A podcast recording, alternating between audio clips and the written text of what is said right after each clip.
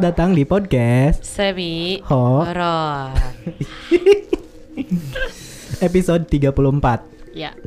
Kita udah masuk episode 34 gak kerasa banget ya. hmm, Gak kerasa ya Saipul Jamil udah keluar penjara Disambut dengan Disambut meriah. karangan bunga Ya. Langsung diundang ke stasiun televisi Ya.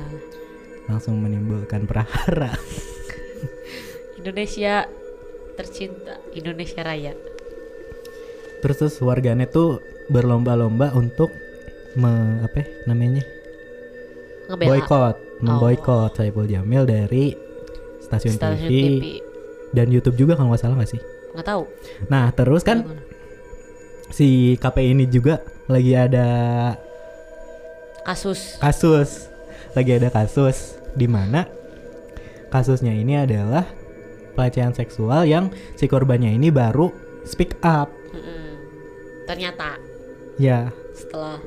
Berapa tahun ya? Dua? Eh ya gitulah. Hmm, terus si KPI ini diundanglah ke Mata Najwa. Wah gua nggak ketuanya. Iya. terus si ketua KPI ini udah udah datang ke studio kata si Mata Najwa teh.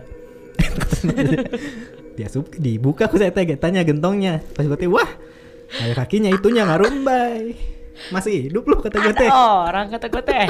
Wah, masih hidup lu. siapa yang masukin lu ke gentong Tapi eh, setelah ada perhara ini, nih. Kartika tidak muncul ya. Kartika siapa Sartika. oh iya nenek Sartika itu ya harusnya diwawancara dia bagus Iya. Najwa Shihab Nah ini nih di komennya ternyata Nah ketua KPI tadi malam sudah hadir di studio Mata Najwa Bahkan sudah siap naik panggung Tapi tiba-tiba menolak berdialog ketika pengacara MS MS itu si korban ya Pengacara MS Ketika pengacara MS korban di KPI sedang berbicara dan langsung keluar meninggalkan studio Ketua KPI ini kenapa gitu kan menimbulkan pertanyaan Ada apa tanda nih? tanya besar gitu kan. Sangat besar. Ada apa kira-kira? Terus terus kan siap Saipul Jamil keluar dari penjara nih, diundang televisi lah. Terus muncul statement dari KPI, Saipul Jamil boleh boleh muncul di TV asal di konten edukasi. Iya. Pengalihan isu. Bisa-bisa aja KPI. Aduh. Jangan kenceng-kenceng kan itu bakso di luar. dung dung dung dung dung. Pemirsa, kita rehat dulu sejenak.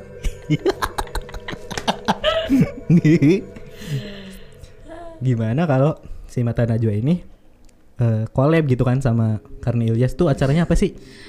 Eh, Lawyers Club ya? eh, Indonesia Lawyers Lawyers Club. Negeri ini butuh orang yang senang tiba-tiba rehat dulu sejenak. ikut berat napasnya ya kita. Yo, Oke, langsung aja kita mau bacain cerita dari dari siapa nih? dari siapa ya? Bentar ya. Sabar pemirsa. Tidak. Let's go. Terjadi di suatu desa kecil di Jawa Barat. Penderitaan ini baru berakhir 2 tahun silam, sekitar tahun 2018. Halo kak, nama saya Kumala, alumni siswi SMU unggulan dan termasuk murid unggulan di sekolah saya. Sebelumnya aku ingatkan sekali lagi untuk jangan menebak, apalagi nge-spill lokasi dan siapa orangnya. Kalau siapa tahu di sini ada tetangga atau kerabatnya, karena ini menyangkut hmm, kenyamanan si pengirim pemilik cerita. Ceritanya ini hmm, dari sudut pandang si Kumala. Aku selalu merasa bangga pada diri sendiri. Karena dari kecil aku selalu dapat pujian dari ibu dan ayah hal apa pun itu. Keluarga dan teman-temanku juga sering memujiku. Terutama soal fisikku yang dicirikan cantik. Cuma itu tingkat kebahagiaanku.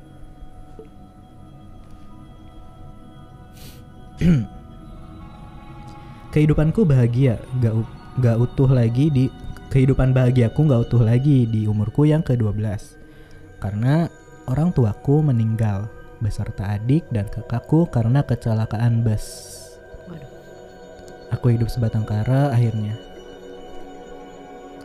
Kemudian aku dititipkan di pesantren yang sekalian bisa dibilang itu panti asuhan. Aku bertahan tiga tahun saja, alias aku habiskan masa SMP aku di pesantren. Mulai lulus SMP, waktu SMU akhirnya aku diasuh dengan adik dari ibuku atau tante dan disekolahkan di sekolah umum. Sebut saja tanteku Tante Lilis beserta suami dan dua orang anaknya yang umurnya masih sekitar 7 sampai 8 tahun. Mulanya inti cerita dari kisah ini saat aku dulu duduk di kelas 2 SMU sekitar tahun 2005. Aku punya banyak rekan. Rata-rata temanku bisa dibilang orang-orang tenar pada masanya. Kalau sekarang kita sebut semacam selegram, selebgram atau seleb sosmed lah ya. 2000 berapa tuh? 2015. Eh 2005. 2005 tuh. Tuh tenarnya di mana ya? 2005. Udah ini gak sih Twitter? Belum ya? Friendster. Friendster, Friendster. Ya, Friendster, Yahoo Messenger. Nah. Tapi cuma pemain ik oh pemain iklan atau model karena belum kenal sosmed dulu tuh terkenalnya. Hmm. Mereka berwarna-warni keper- kepribadiannya. Tapi yang paling akrab dan banyak nyambung denganku namanya Erni. Erni anak orang mampu. Baik sekali, loyal pada siapa pun, cantik budi dan fisiknya. Tapi sayang, ia sering kali mudah tertipu. Iya, Erni mudah percaya dengan kata-kata orang. Maka dari itu, akulah orang yang pas untuk akrab dengan Erni. Karena aku selalu beri dia banyak nasihat. Suatu hari, Erni pernah mengajakku ke suatu restoran. Ia mengaku punya kenalan untuk bekerja dengan gaji yang lumayan. Akhirnya aku turuti pinta Erni. Sampai di sana, aku bertemu dengan seseorang yang dimaksud. Aku kurang yakin, karena itu seorang wanita tua yang dari penampilan pun jauh dari kata modern, apalagi orang mampu. Kira-kira ia mau kasih kerjaan apa ke Ernie? Nah, di sini aku berinisiatif untuk pisah meja saja dengan Ernie. Karena aku takut lah mereka membicarakan hal yang seharusnya aku nggak tahu. Tapi si Ernie justru minta aku duduk gabung dengan mereka. Bentar, Erni apa Emi? Ya sebut saja Ernie lah nggak apa-apa. Saya dibilang, teu sopan ah maneh. Karunya ke ibu itu ke si ibu terus jauh-jauh demi arurang. Gak sopan lah si ibu ini udah jauh-jauh. Mending duduk di sini aja katanya si Ernie. Tapi aku ikut saja ajakan si Ernie. Ibu itu ramah sekali, sepertinya ia sudah punya anak seumuran kita, atau bahkan cucu. Di sana ibu ini menjelaskan ajakan untuk bekerja sama menjadi model dari produk kosmetiknya. Aku juga agak kaget. Penampilannya orang desa dan sudah tua, tapi ternyata owner kosmetik. Wow. Nanti sistemnya Ernie jadi model utama dan kamu cadangannya nggak apa-apa kan, Neng? Kata ibu itu padaku setelah diskusi panjang dengan sistem kerjanya. Aku cuma mengangguk setuju yang awalnya aku nggak kira nggak ngira sama sekali aku bakal diajak kerja juga dan dari penjelasannya intinya aku dan Ernie nggak perlu kerja setiap hari cuma pada saat waktu-waktu tertentu ibu itu butuh baru kami harus datang padanya aku lupa saat ceritakan ini ke nama ibu se- aku lupa saat ceri saat menulis cerita ini nama ibunya jadi kita bilang ibu ibu siapa nih? Ibu Mawar aja ya. Mawar sebutlah Mawar. By the way, produk yang beliau punya bukan brand besar. Ia cuma memasarkan di Pulau Jawa dan di pusat oleh-oleh dan jarang juga orang tahu. Singkat cerita, kesepakatan kita tertanda di atas materai untuk kontr- kontrak selama 2 tahun, alias kontrak ini akan habis waktu nanti aku lulus SMU. Bayarannya lumayan bis, lumayan lah bisa untuk jajan dan memenuhi keperluan sendiri agar nggak selalu minta ke tante. Tapi Ernie justru ngasih 20% bayarannya ke aku karena aku yatim piatu alasannya. Mulia sekali si hati Ernie ini. Aku juga nggak tahu Ernie dapat kerjaan itu dari mana dan kerjaan dari ibu mawar ini dari mana. Bahkan aku nggak kepikiran untuk nanyain juga. Awalnya kerjaanku berjalan lancar dan punya hubungan baik dengan Ernie. Tapi lama kelamaan Ernie justru gelagatnya tuh aneh. Terus buat aku jengkel juga karena sering gak, gak peduli pertanyaanku. Bahkan sampai diem-dieman. Lalu tiba pada suatu hari dia bilang, eh Maneh besok ayah acara hente ke rumah Kak Imah Ibu Mawar yuk. Kak Imah Ibu Mawar katanya dia lagi ulang tahun gitu intinya. Kamu besok ada acara nggak? Kita ke rumah Ibu Mawar yuk. Katanya dia ulang tahun besok. Ini ajakan si Ernie. Karena aku kelewat senang, Ernie sudah mau bicara denganku. Aku terima ajakannya. Dijanjikanlah besok aku berangkat dengan Ernie.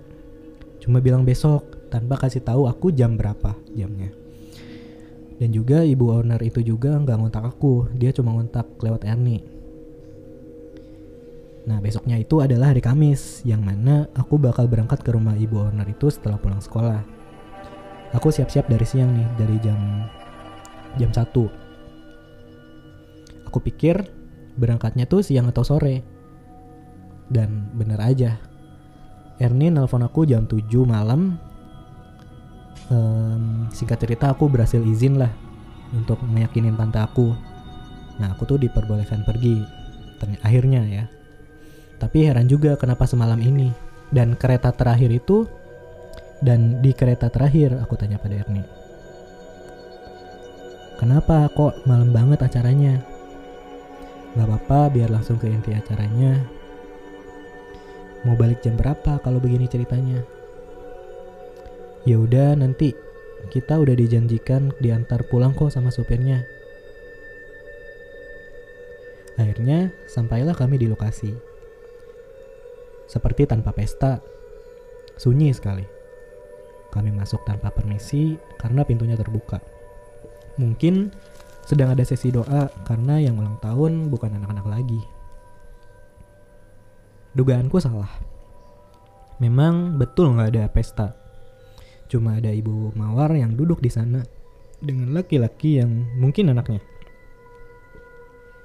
Makanan seadanya dengan beberapa benda aneh di atas meja. Kami cuma makan malam dan diberi evaluasi. Setelah itu, Ibu Mawar minta pada Ernie untuk menginap saja. Sedangkan aku, aku disuruh pulang. Aneh. Iya, aneh. Dan menjengkelkan. Karena waktu sudah menunjukkan pukul 11 malam. Aku harus pulang sendiri sendirian diantar supir dari Ibu Mawar. Kanan itu terus aku pikirin karena setelah pulang dari acara kemarin, Ernie betul-betul menjauh dariku. Di luar kebiasaannya, sampai yang paling parah, Ernie jarang masuk sekolah. Alasannya sakit. Tapi kalau aku telaah, itu karena dibully dengan temanku yang lain. Karena aku pun risih dengan tingkat Ernie, tingkah Ernie ini. Aku juga ngejauhin dia.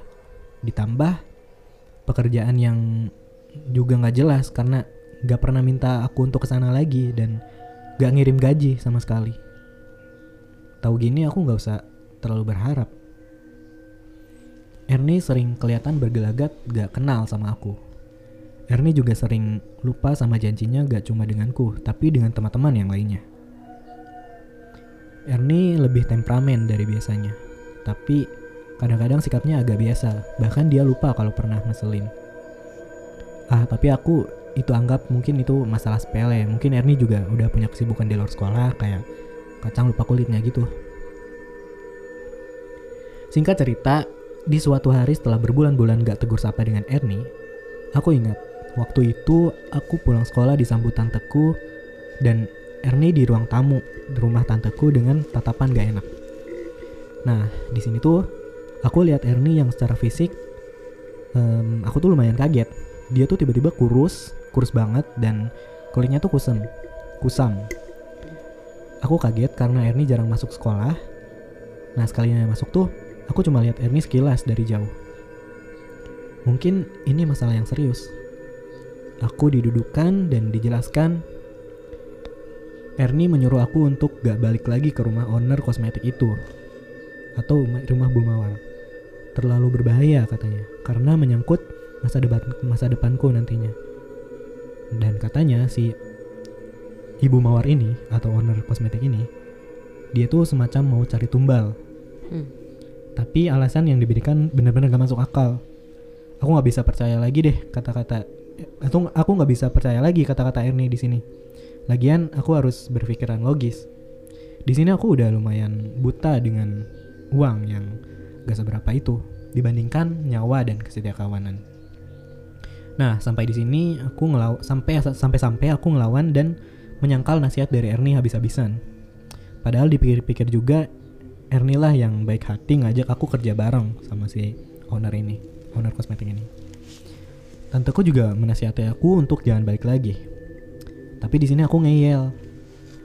Gak lama dari hari itu ada telepon masuk dan ternyata itu telepon dari em, si ibu mawar yang katanya dia bilang kalau aku sudah jadi model satu-satunya yang dan si Ernie justru yang disikirkan lama aku nggak dihubungi aku kira aku sudah nggak dibutuhkan ternyata masih juga dan kebetulan sekali setelah aku bertikai dengan Ernie dan tanteku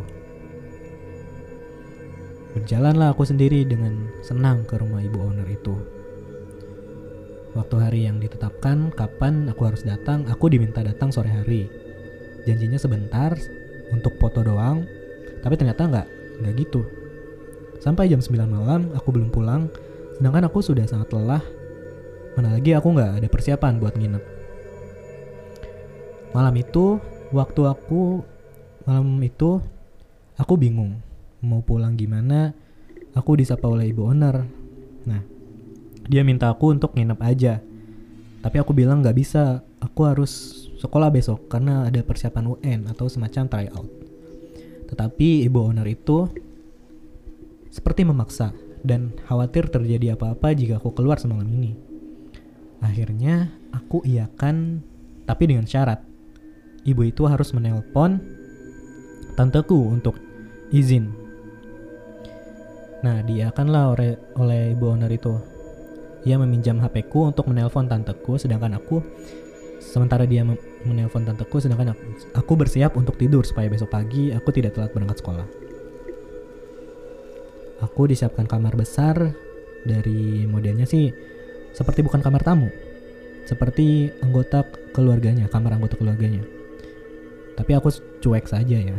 Setelah meletakkan barangku dan aku mandi, di dalam kamar yang disediakan untukku ada kamar mandi, tapi eh, nggak nggak boleh dipakai. Ya udah aku pakai kamar mandi yang di luar. Aneh juga sih. Nah, setelah mandi, aku dijegat lagi untuk makan malam dulu. Padahal aku udah ngantuk banget. Tapi mau gak mau, aku harus makan demi menghormati. Setelah makan, aku dipersilakan tidur. Kagetnya aku, waktu masuk ke dalam kamar, eh, aroma dupa ini tiba-tiba ada aroma dupa menyengat menusuk sampai buat aku pusing. Obat nyamuk apa ini? Dalam hatiku bergumam. Aku mau gak mau tetap tidur di kamar itu dengan hati yang gelisah. Di antara sadar dan gak sadarnya aku di waktu itu mulai terlelap. Aku bermimpi ada seseorang perempuan duduk di ujung ranjangku yang entah itu siapa. Seperti bergumam dan membelakangiku sambil memijat-mijat ujung jemari kakiku. Tapi aku nggak bisa bergerak untuk bangun. Perempuan itu nampak aku kenal, tapi nggak mungkin. Masa itu ibuku? ibuku sudah meninggal. Aku mencoba tidur lebih dalam lagi. Tapi suaranya semakin jelas. Seperti nyinden dengan bahasa Sunda yang lirih. Dan sesekali dia berbicara. Tapi aku nggak paham karena diselingi dengan isak tangis. Aku paksakan bangun dan betapa kagetnya aku ternyata di depanku ada ibu Mawar owner kosmetik itu berdiri di ambang pintu. Menatapku begitu saja tanpa sepatah kata. Aku lihat bajunya persis yang dipakai perempuan dalam mimpiku. Apa tadi bukan mimpi ya? Ah udahlah. Mungkin ibu Mawar ini cuma ngecek aku untuk ngecek udah tidur apa belum. Setelah itu aku kembali tidur pulas.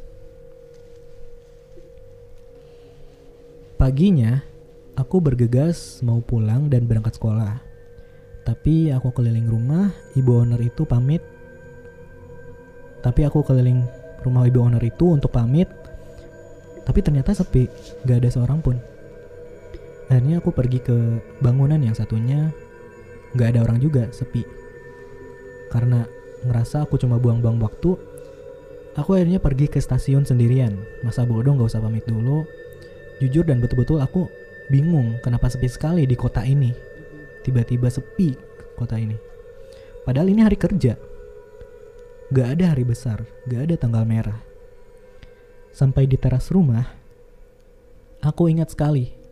Aku mual yang teramat sangat, dadaku sakit sampai aku berlutut di depan pintu. Dan akhirnya aku pingsan. Tiba-tiba setelah aku terbangun, aku terbangun tak di mana. Di sebelahku tanteku dan seorang bapak-bapak yang aku nggak kenal. Tanteku bilang, Terima kasih pak, ambil saja ini imbalannya, kata tanteku menyodorkan uang. Udah bu nggak apa-apa, saya buru-buru. Tolak bapak itu sambil memegang tangan tanteku. Nah di sini aku bingung. Tadi siapa tante? Tanya aku. Tanteku kaget melihat aku sudah bisa bicara. Ia marah, sedih, semua jadi satu di raut wajahnya. Akhirnya aku dibawa pulang lalu tanteku cerita kalau aku sudah hilang selama empat hari. Bapak tadilah yang menemukanku tertidur di bengkelnya. Katanya aku ada di bengkelnya sebelum ia datang, alias bengkelnya masih tutup. Karena heran dari mana aku masuk, bapak itu nanya, tapi jawabku ngelantur katanya. Hampir mau diurus ke kantor polisi saat hilangnya aku di hari ketiga, tapi tanteku yakin aku masih ada di sekitar rumah. Dan bener aja, ada tetangga dari bengkel itu yang kenal dengan tanteku dan melaporkan tanteku kalau aku sudah ditemukan. Dan akhirnya aku dibawa pulang. Lokasi bengkelnya tidak jauh dari rumahku, tapi cuma beda desa aja. Setelah kejadian itu, aku sakit dan tanteku peka nampaknya ada yang gak beres.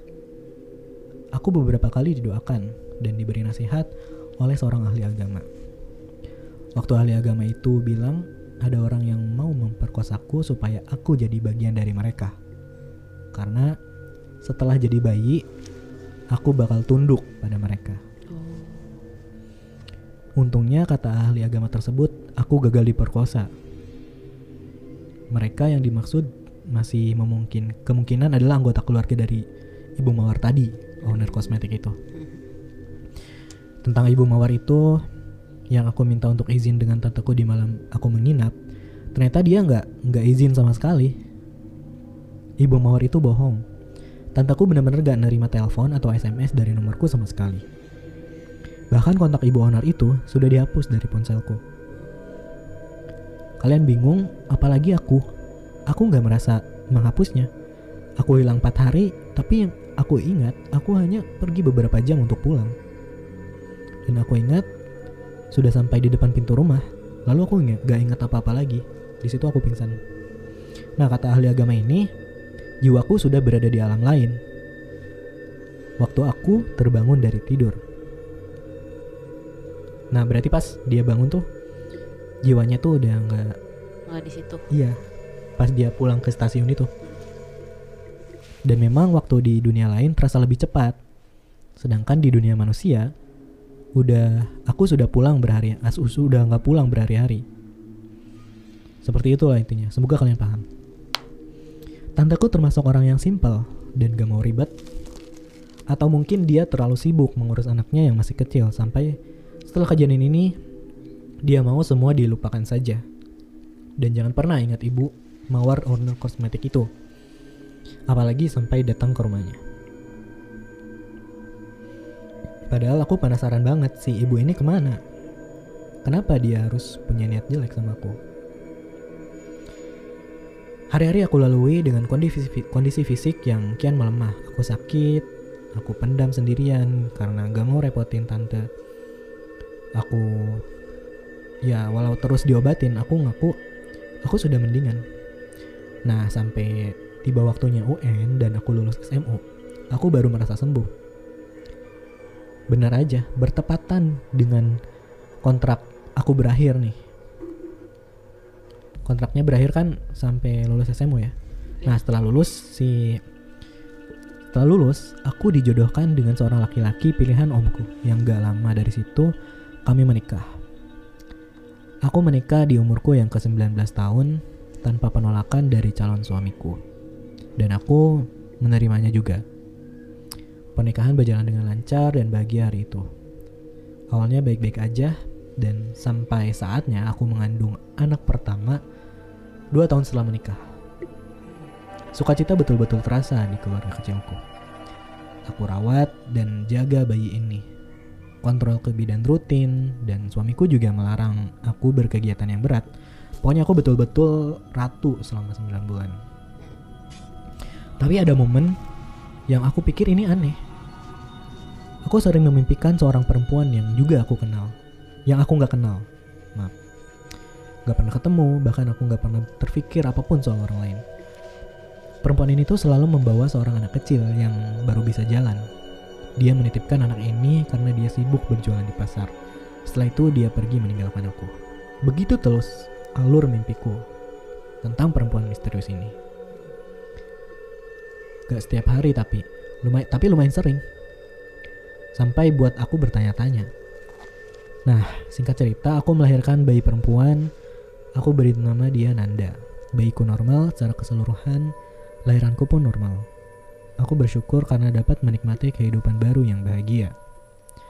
Hari-hari aku jalani sampai suatu hari suamiku terus berterima kasih padaku selalu karena selalu memuaskan hasratnya setiap malam. Aku bingung karena aku nggak merasa melakukannya. Awalnya suamiku aku anggap bercanda, tapi makin ke sini semakin serius. Aku sering marah dan curiga sebetulnya ia berhubungan dengan siapa. Aku tanya, apa yang aku kenakan pada saat itu? Tapi benar, baju yang ku pakai hari itu Iya, tapi benar, baju yang ku pakai hari itu benar, sama. Aku sampai berusaha terjaga di malam hari menunggu suamiku tidur duluan untuk lihat apa yang sebenarnya terjadi. Tapi aku nggak menemukan keanehan seperti seperti mungkin suamiku menyelinap keluar rumah dan lain-lain, tapi enggak. Aku cuma ngelihat suamiku mengigau. Ya udahlah mungkin sebelum sebelumnya ia cuma mimpi. Dan pikiranku selalu positif. Umur bayiku yang di umur bayiku yang kelima bulan, suamiku bersikap aneh tiba-tiba. Gagatnya tuh aku ingat seperti teman lamaku, si Ernie. Seperti menjauh dan gak mau pulang ke rumah. Seperti jijik lihat aku. Sakit hatiku melihat suamiku seperti ini.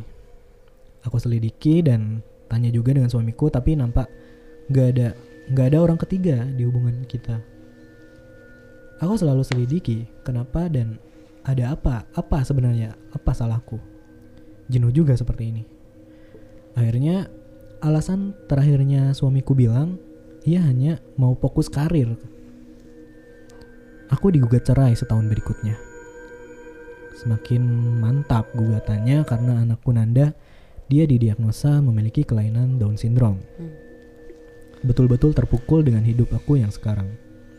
Aku gak punya du dukungan dari siapa pun termasuk dan termasuk tante dan omku. Mertuaku justru mendukung perceraian ini karena malu juga alasannya punya cucu Down syndrome. Tapi kenyataan mau diubah seperti apa lagi? Aku gak punya pembelaan juga. Aku harus menelan bulat pil pahit ini. Mensyukuri apa yang sudah ku aku punya.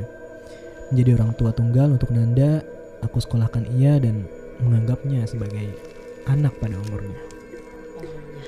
Iya, anak pada umumnya. Belum usai, aku trauma dengan perceraian dan kenyataan Nanda mengidap Down syndrome. Nanda selalu marah-marah sambil bilang mau pulang. Padahal posisi kami di kontrakan sendiri. Nanda bukan di level Down syndrome yang parah, ia masih bisa beraktivitas normal dengan fisik yang normal. Tapi kadang bicaranya aja yang sering gak nyambung dan telat waktu dipanggil. Selain ia selalu mengamuk minta pulang, Nanda sering kali membahayakanku. Walaupun ia masih TK, tapi tenaganya begitu kuat. Seringkali aku dapati ia berusaha menusukku dengan benda tajam. Kayak jarum, pensil, pisau, dan batu runcing. Aku merasa aku nggak pernah, aku harus gak, gak pernah lepas pengawasan. Aku merasa aku nggak pernah lepas pengawasan. Sekolah pun aku tungguin sampai mandi dan buang hajat aku nggak lepas pandangan dari Nanda. Dari mana Nanda belajar kata-kata kasar dan mengerti benda tajam untuk menyakiti seseorang? Berkali-kali juga guru TK-nya tuh kewalahan sampai ngadepin Nanda. Selalu berusaha mencelakai teman sekelasnya dia. Sampai aku du- didudukan dengan ibu dari salah satu temannya yang karena sudah sangat muak dengan perlakuan Nanda yang semakin hari semakin menjadi-jadi. Gak ada kata lain selain minta maaf, tapi akhirnya aku berujung diminta untuk mengurus Nanda di rumah. Nanda dikeluarkan dari sekolahnya. Aku selalu sabar dan tanpa sadar, aku begitu kuat menghadapi cobaan ini tanpa menangis. Sampai akhirnya aku menangis sejadi-jadinya saat aku ajak Nanda bicara. Nanda, ibu capek, Nanda nakal terus. Nanda harus baik ya sama ibu. Kataku memohon pada Nanda malam itu di rumah kontrakan yang isinya cuma aku sama Nanda. Kumala bukan ibu Nanda. Dengar ya, gak usah banyak suruh. Saya mau pulang. Bentak Nanda, bentak Nanda. Dan betapa kagetnya aku. Bukan cuma pengakuannya, aku bukan ibunya, tapi kagetnya aku jawaban jawabannya bisa nyambung. Bertubi-tubi pukulan hidup semalam pukulan hidup malam itu. Setelah sekian lama merasa diri ini kuat, akhirnya air mata ini gak terbendung lagi semenjak kejadian malam itu. Nanda selalu bilang, aku bukan ibunya. Tapi aku selalu berusaha membesarkan Nanda sepenuh hati. Sampai di titik sabarku habis, aku berniat memasukkan Nanda ke rumah sakit jiwa. Karena tingkahnya yang kelihatan semakin gak wajar. Dan banyak saran juga dari orang lain untuk eh, memeriksa kejiwaannya. Gelagatnya bukan lagi seperti anak Down syndrome. Aku minta juga Nanda untuk diurus di RSJ karena aku harus bekerja untuk menyambung hidup. Segala pemeriksaan dan pengumpulan data akhirnya disetujui juga oleh pihak rumah sakit. Oh ya, selama ini aku cuma berobatkan Nanda ke puskesmas di desaku dan dirujuk ke rumah sakit kecil. Aku juga minim pengetahuan tentang Down syndrome dan gangguan jiwa. Aku beberapa kali bingung dari masukan orang lain bahkan dokter yang aku berbeda bahkan dokter yang selalu berbeda-beda diagnosanya. Aku selalu terima saja masukan dari siapa pun. Padahal setauku, Down syndrome dan kelainan jiwa adalah hal yang berbeda. Tapi setelah ke RSJ justru diketahui juga anakku mengidap gangguan jiwa. Yang dokter juga bilang kalau ternyata dari faktor genetik atau keturunan. Sesekali aku menyempatkan diri menengok Nanda di RSJ. Nanda punya Nanda punya satu suster yang menanganinya, sebut saja namanya Ibu Riri. Suatu ketika Bu Riri ini bilang padaku, Bu, sepertinya Nanda ini anak yang spesial. Bu Riri yang awalnya aku anggap masa bodoh karena banyak bilang begitu, karena banyak yang bilang begitu. Em, dulu kamu pernah mengabdi sama siapa, Bu? Maaf saya tanya begini, kata Ibu Riri. Karena Nanda sebetulnya titipan dari salah satu orang yang kemungkinan ibu tahu orang yang nitipnya. Saya bisa bantu. Tanya Bu Riri lagi, kesannya itu serius dan khawatir. Tapi aku tetap tersinggung. Namanya anak ya pasti titipan bu, titipan Tuhan, kataku sambil agak mencibir. Kemudian Bu Riri terdiam, mungkin gak enak, tapi tangannya memegang bahuku. Titipan seseorang, Bu. Katanya lagi. Suami saya. Ya pasti, suami saya kan seseorangnya kan, ya kan? Kataku sambil sambil masih mencibir. Seorang seorang mama juga nitip nitip menitipkan anda dulu kamu nggak bisa eh, seorang ibu juga ia menitipkan anda masa lalumu betul-betul nggak bisa disesali lagi mungkin kamu pernah bersekutu atau mengabdi pada sesuatu jadi kamu merelakan keturunan-keturunanmu bu ini penjelasan dari ibu Riri semakin serius Aku semakin ngeri dengan kata-katanya yang semakin lama aku hanyut dalam penjelasannya. Banyak juga kenyataan-kenyataan yang ditunjukkan Nanda kalau aku seperti bukan ibunya. Dan Nanda betul-betul gak mirip dengan aku atau juga suamiku. Tapi keyakinanku tetap gak goyah kalau Nanda tetap akan aku rawat bagaimanapun keadaannya. Aku jalani semuanya dengan ikhlas, walaupun Bu Riri selalu menyarankanku untuk mengobati Nanda ke orang pintar saja. Sebelum umurnya menginjak 8 tahun. Tapi aku tetap menolak. Ku jalani hidupku sampai di tahun 2017 sampai rumah sakit selalu kewalahan menghadapi Nanda. Kondisinya semakin gak karuan. Selalu menyakiti dirinya sendiri karena gak ada seseorang yang bisa ia sakiti atau melampiaskan emosinya. Setahun berjalan dengan kondisi Nanda semakin kurus dan memprihatinkan, ia akhirnya melemah dan sakit. Baru aku sadari dan baru aku percaya kalau penyakit yang Nanda alami bukanlah penyakit medis, sampai ada kerancuan antara Down syndrome atau kelainan jiwa. Banyak orang yang sudah berusaha menyadarkanku, tapi aku nggak percaya sama sekali. Di akhir 2018, Nanda menghembuskan nafas terakhirnya di umurnya yang ke-8 tahun.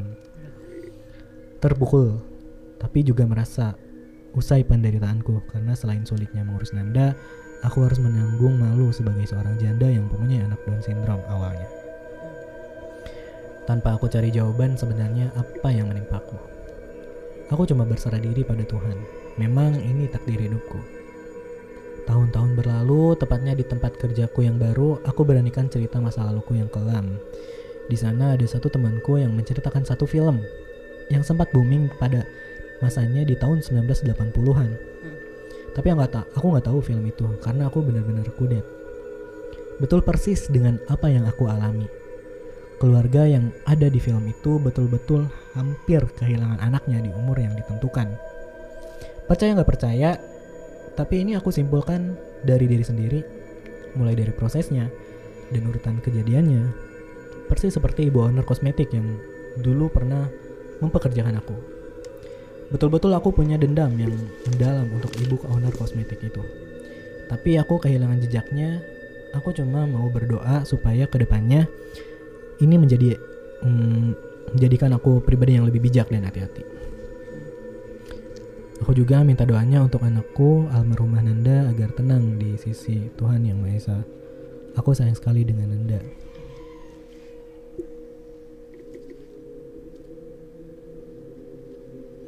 Mengenai sudut pandang dari Ernie, kenapa ia selalu buat jengkel dan jengkel dan jengkel aku dan teman teman-teman sekolah yang lain karena sebelumnya Ernie ke rumahku.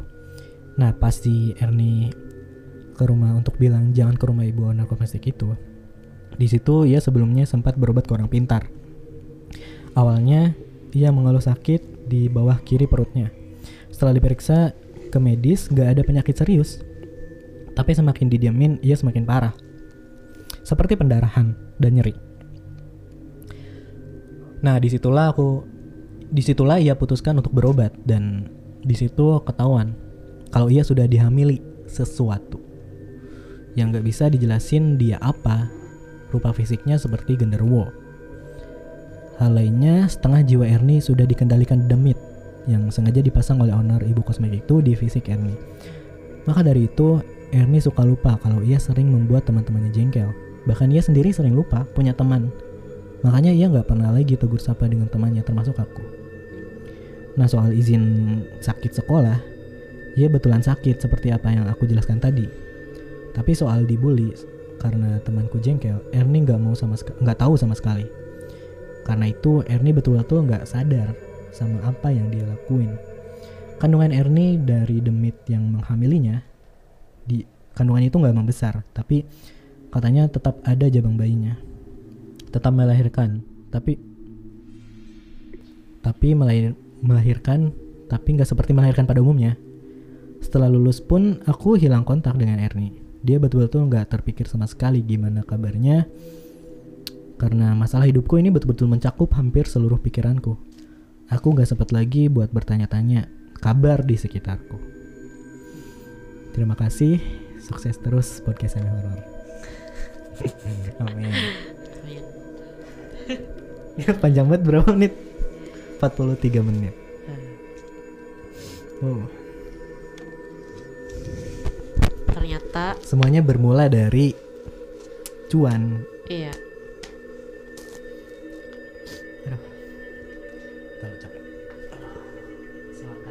Belibet ya pemirsa. Panjang banget soalnya.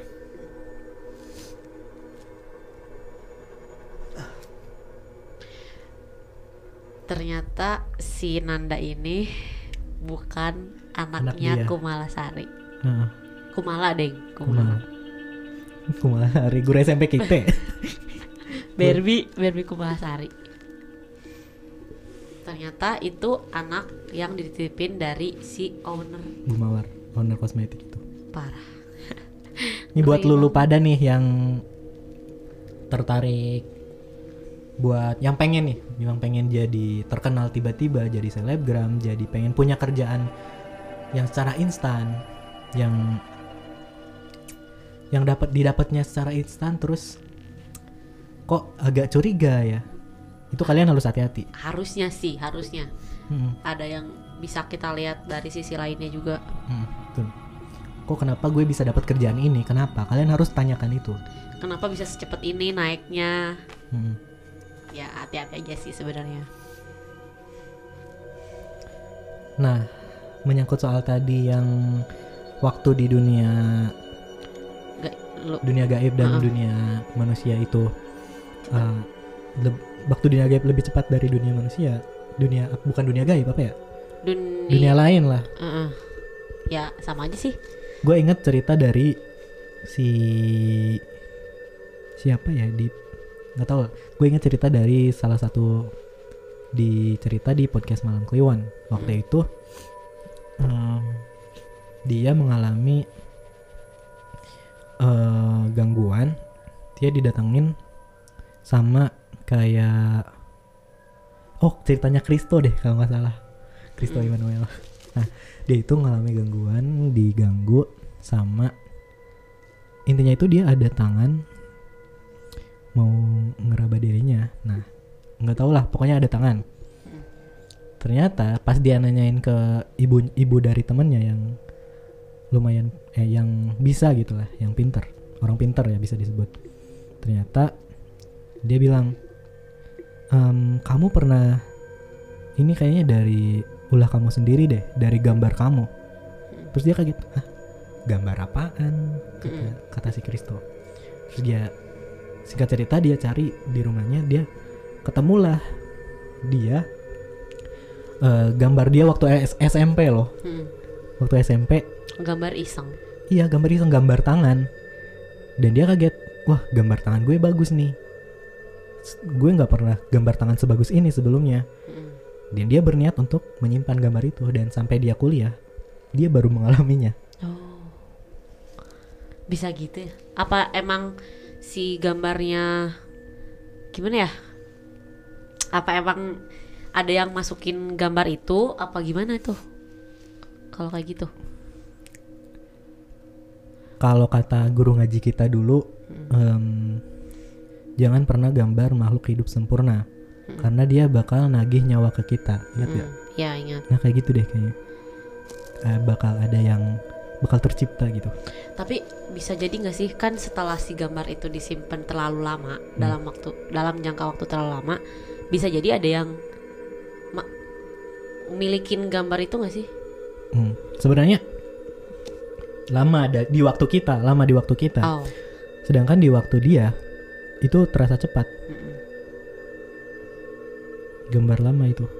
Sebenarnya pas waktu dia gambar langsung ada yang tertarik buat masuk kayaknya gitu. Ya bisa jadi. Sementara di waktu kita kan nunggu dulu lama. Mm-mm. sementara di waktu dia mah udah cepet. Kayak tadi Erni kan dia pas bangun tidur balik ke stasiun itu cuma beberapa jam doang. Ternyata udah empat hari hilang. Iya. Dan ditemuin di bengkel dekat rumahnya. Hmm.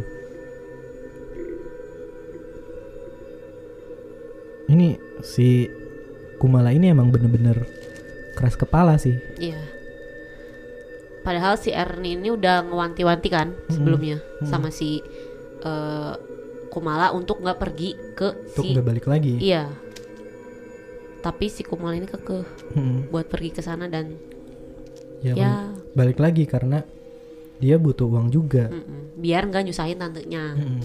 Dilemanya dilemanya dia itu di situ. Terus yang ini loh, yang si Kumala hanya setelah nikah hamil, Hmm. itu anaknya berarti bukan anak si Suaminya. suaminya kan? Bukan? Eh.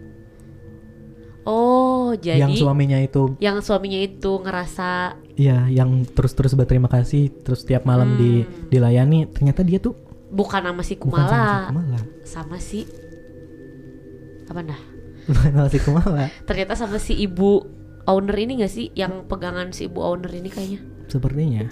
Kayaknya sih gitu. Mm-mm. Coba kalian Si simak lagi deh. Nanda juga anaknya kan bilang selalu bilang e, gue Kamu- bukan anak lo Mm-mm. gue gue mau balik gitu Nah, ke rumahnya. iya Tapi kan ternyata rumahnya si Nanda ini bukan di rumah kontrakan itu. Mm-mm. Ternyata di rumahnya yang emang rumah alam gaib. iya iya walaupun dia berserah sama Tuhan kan dia harus melakukan setidaknya dia ikhtiar gitu nanya ke Mm-mm. orang pinter Nah, ternyata dia tuh kayak nggak kayak apa ya? Menerima bahwa si Nanda ini emang penyakit medis gitu. Tapi Mm-mm. ternyata kan setelah dia Terus masuk kan rumah tadi sakit, sama suster Riri kan Mm-mm. udah disarankan Iya. diingetin bahkan dia udah sempat takut juga udah sempat khawatir. khawatir Mm. percaya gitu kan Iya. bisa dibilang Tapi kayaknya mengurungkan niat lagi buat ya itulah Iya. karena keegoisan sendiri sih Mm-mm. bisa dibilang Gila itu suaminya nggak kebayang berhubungan sama siapa Iya, tapi si sosoknya ini rupanya itu menyerupain si Kumala ini Iya, makanya kan makanya kan pas ditanya coba tebak aku pakai baju apa semalam iya ternyata, ternyata, mirip. bener mirip Parah. jadi itu cloningan menyerupai Ngeri banget ya kalau emang bener. Ya, emang bener sih ini. Cerita beneran ya, Hmm, ngeri banget terus story. 2005 2005 tuh Sebenarnya 2005 udah ini banget ya. Apa maksudnya dia zaman-zaman udah 2005 gua baru masuk kelas 1 SD iya sih bener. Lu Gua- 2005 Gua du- 2006 masuk SD gua. iya Berarti kan itu udah tahun-tahun milenial dong harusnya enggak sih? Enggak. Tahun generasi Z. Iya gak sih? 2005 di SMU di SMU tuh masih rame-ramenya 2005 sosmed 2005 apaan ya Tahu, coba kita cari dah. Kayaknya ini gak sih Kakao Talk enggak ya?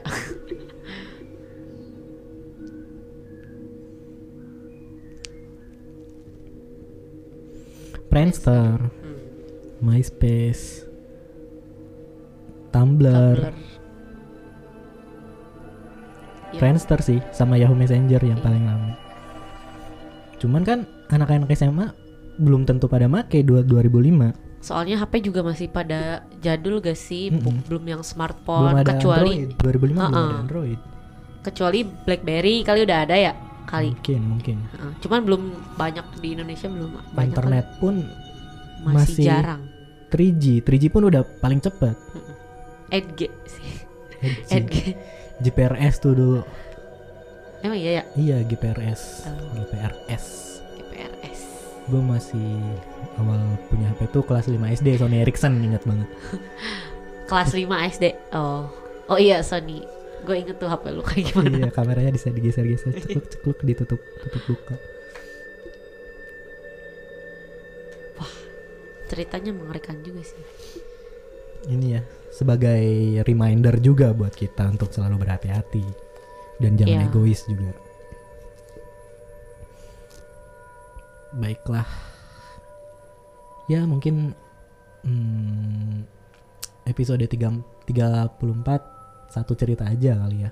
udah panjang banget soalnya nih Udah takut bosen nih kalian Iya, yang nonton Udah mau eh, yang satu denger. jam. Terima kasih sudah mendengarkan episode 34. Jangan lupa kalau kalian pengen kirim cerita, boleh klik aja link di bio Instagram at podcastsemihorror atau DM juga boleh atau ke email podcastsemihorror@gmail.com.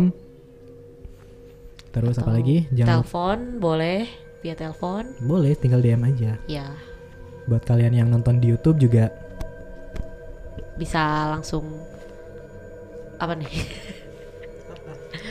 Promo YouTube oh iya. Buat di YouTube juga bisa kalian like, comment, subscribe dan share ke teman-teman kalian biar lebih tahu. Ya sebenarnya cerita eh apa sebenarnya podcast Mi Horror tuh eh, sebagian ada apa Ada videonya. ya iya jelas Ada apa? ada apa namanya Visualnya. Ada apa? bukan ada Ada di YouTube. ada pesan-pesan tersembunyi terselubung dari setiap cerita Benar-benar. Kalian kalau kita kalau kalian dengerin di Spotify di Spotify, dengar kita cerita dengan visualisasi, penasaran kita ngapain, boleh kalian nonton di YouTube. Mm-mm. Kita juga punya YouTube tapi masih dikit subscribernya. Jadi Tolong tolong, di-subscribe. di-subscribe. ya, Ya. mungkin itu di episode 34 akhir kata Aziz pamit. Yunda pamit Tetap dengarkan podcast semi horor horor. dadah